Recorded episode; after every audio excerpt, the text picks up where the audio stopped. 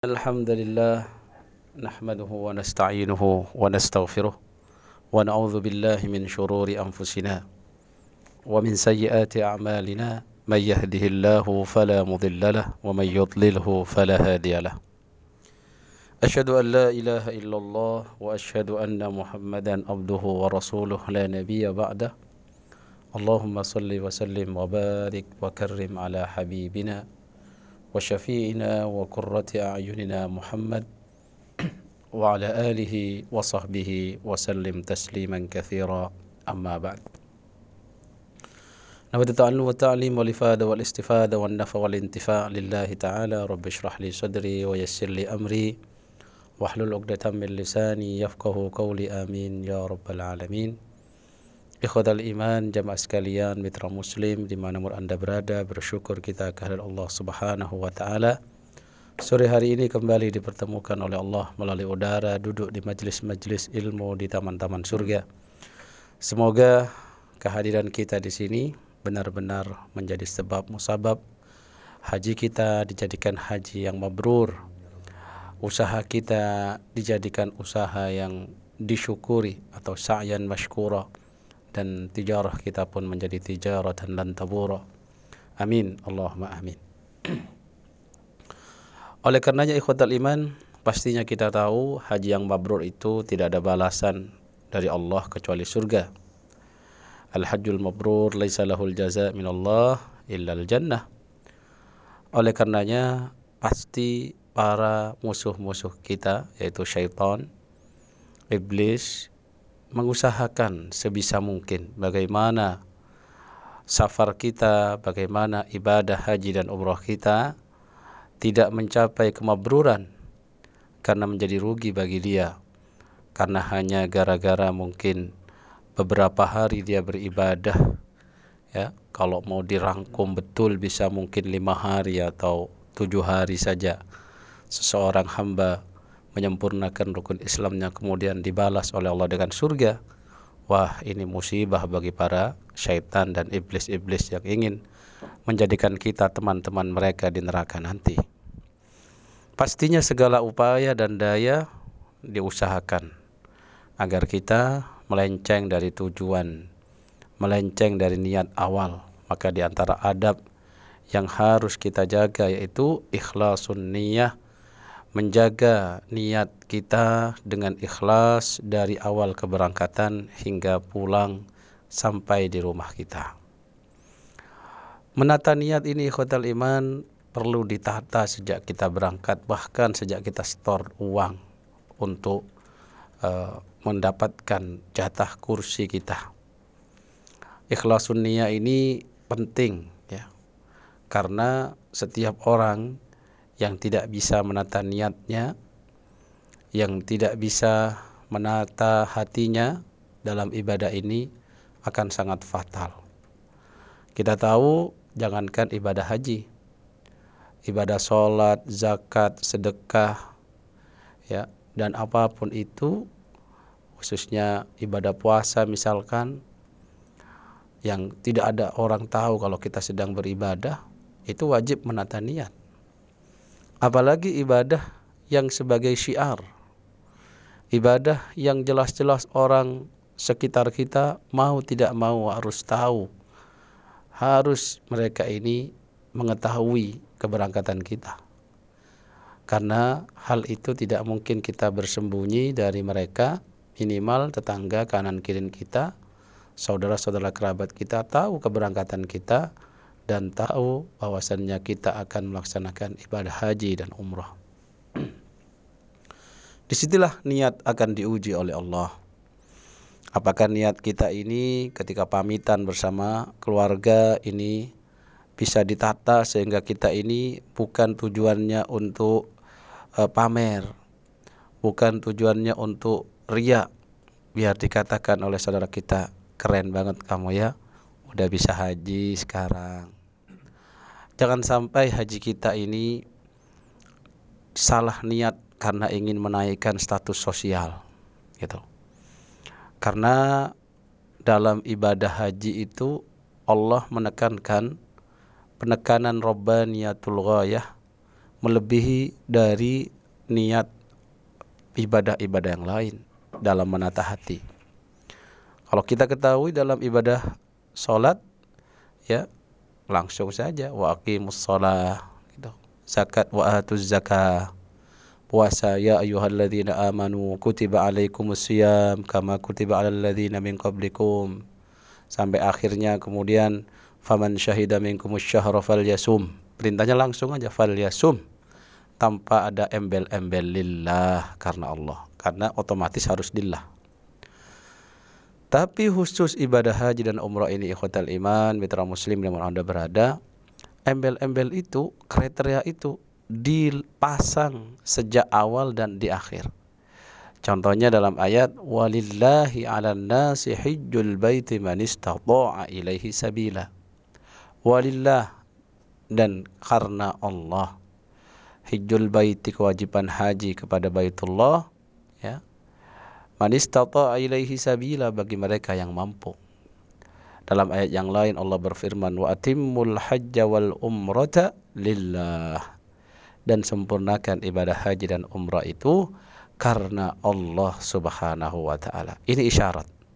Garis bawah ini kenapa Allah senantiasa mengulang-mengulang lillah lillah lillah padahal semua ibadah pastinya lillah tapi ibadah haji ujiannya untuk tidak lillah ini lebih berat ya iman. Ibadah puasa lebih mudah karena kita tidak ada yang tahu bahwa kita ini puasa atau tidak. Tapi ibadah haji ujiannya untuk tetap menjaga lillah ini berat. Mungkin mau haji karena malu sama tetangganya. Tidak hanya ingin pamer ya menata niat itu. Bilang berbisik suaminya ke istrinya, "Dek, mama, kita ini gak mau haji dah." Malu mah. Tetangga sudah pada haji semua. Klaster kita ini klaster ekontus gitu loh. Klaster yang tatarannya menengah ke atas gitu, middle up. Masa kita sendiri yang gak haji? Kalau gitu cepet daftar aja gitu loh. Akhirnya mamanya bilang ya sudah lah pak kalau emang sampean gak enak udah eh, daftar aja yang biasa kata papanya. Ya gengsi lah mah udah lama lagi. Kita ini loh orang kaya banget di sini. Masa daftar yang biasa? Yang plus lah. Yang gak pakai antri gitu. Ini hati-hati juga. Setan menjebak. Yang awalnya sebenarnya itu uh, kayaknya ini menengah sehingga cocoknya sebenarnya biasa namun memaksakan diri agar kelihatan eksistensinya sebagai orang yang wah gitu. Akhirnya mati-matian utang sini utang sana ya untuk melengkapi pendaftaran yang menggunakan haji yang very very important person gitu ya. Maka ikhwatal lima jemaah sekalian, ini juga bisa merusak niat kita. Kalau kita ini hajinya dan umrohnya karena hal-hal ketidaknyamanan hati ya karena hal-hal ingin mendapatkan pujian atau karena hal-hal yang lain bahkan kenapa dalam proses haji itu tidak boleh kita ini terlalu dominan dalam urusan dunia.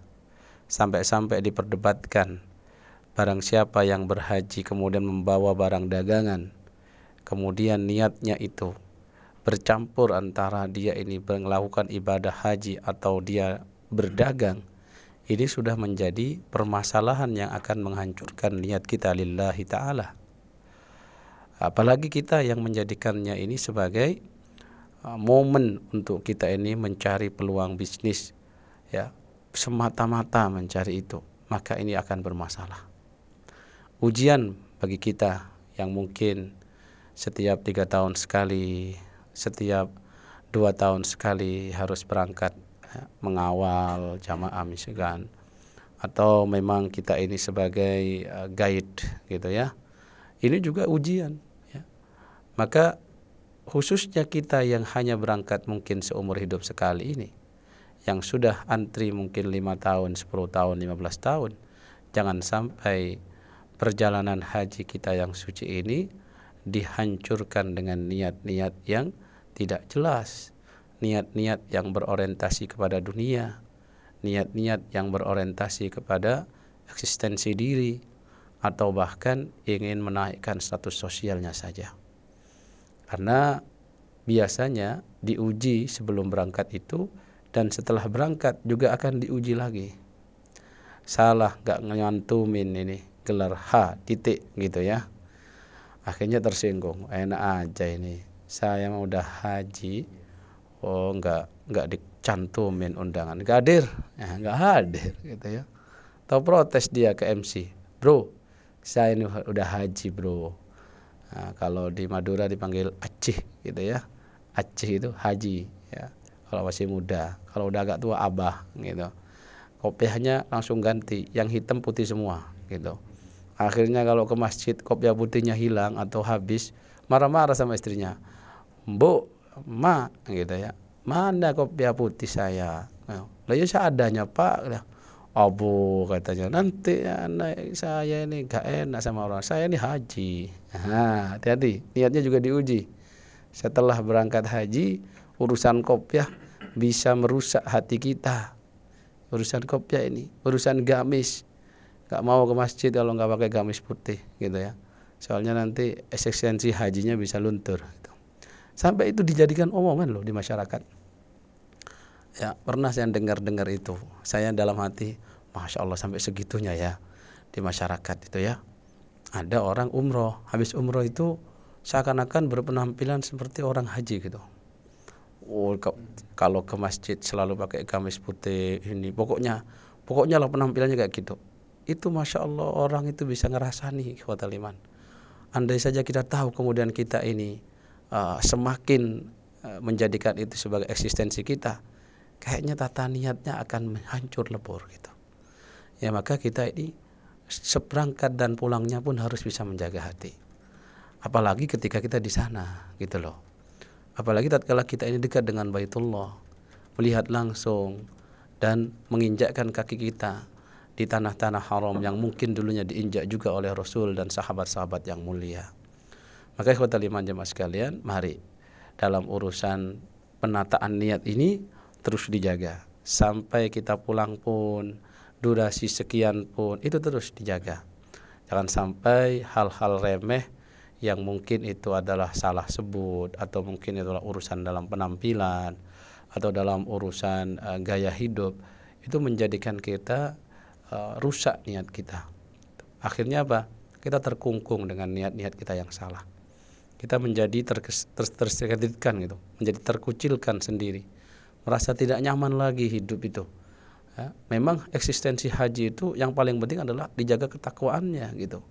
Harus malu kalau misalkan ya apa dalam melanggaran sesuatu, dalam melakukan sesuatu yang nggak wajar gitu, lalu istilahnya itu kita tidak bisa bersumbangsi seperti mereka, apalagi melakukan pelanggaran. Kita harus bercermin.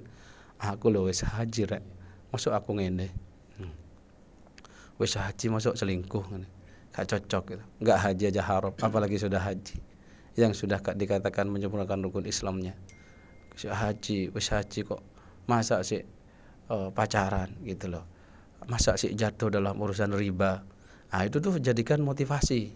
Jangan hanya dijadikan sebagai tameng gitu uh, jadikan juga sebagai momen perubahan gitu. Karena orang kadang itu mau berubah menunggu momen gitu. Wis haji ya oh hijabnya ganti semua. Pertahankan itu bukan karena ingin gak enak saya dibilang haji soalnya. Eh setelah tiga bulan luntur luntur luntur luntur lagi kembali ke you can see my body ya.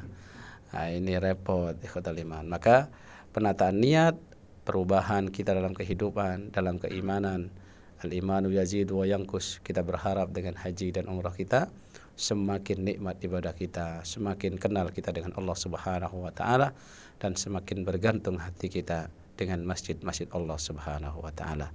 Saya kira itu cukup, semoga bermanfaat. Amin. Ya, amin ya rabbal alamin.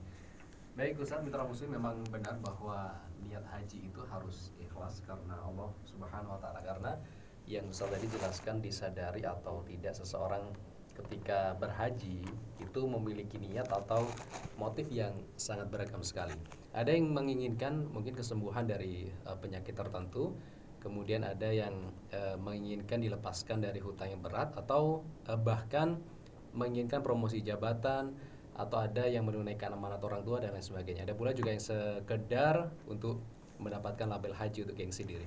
Maka dari itu mitra muslim yang Ustadz Imam tadi sampaikan eh, niat itu harus eh, diluruskan, ditata dan juga disempurnakan hanya karena Allah Subhanahu wa taala.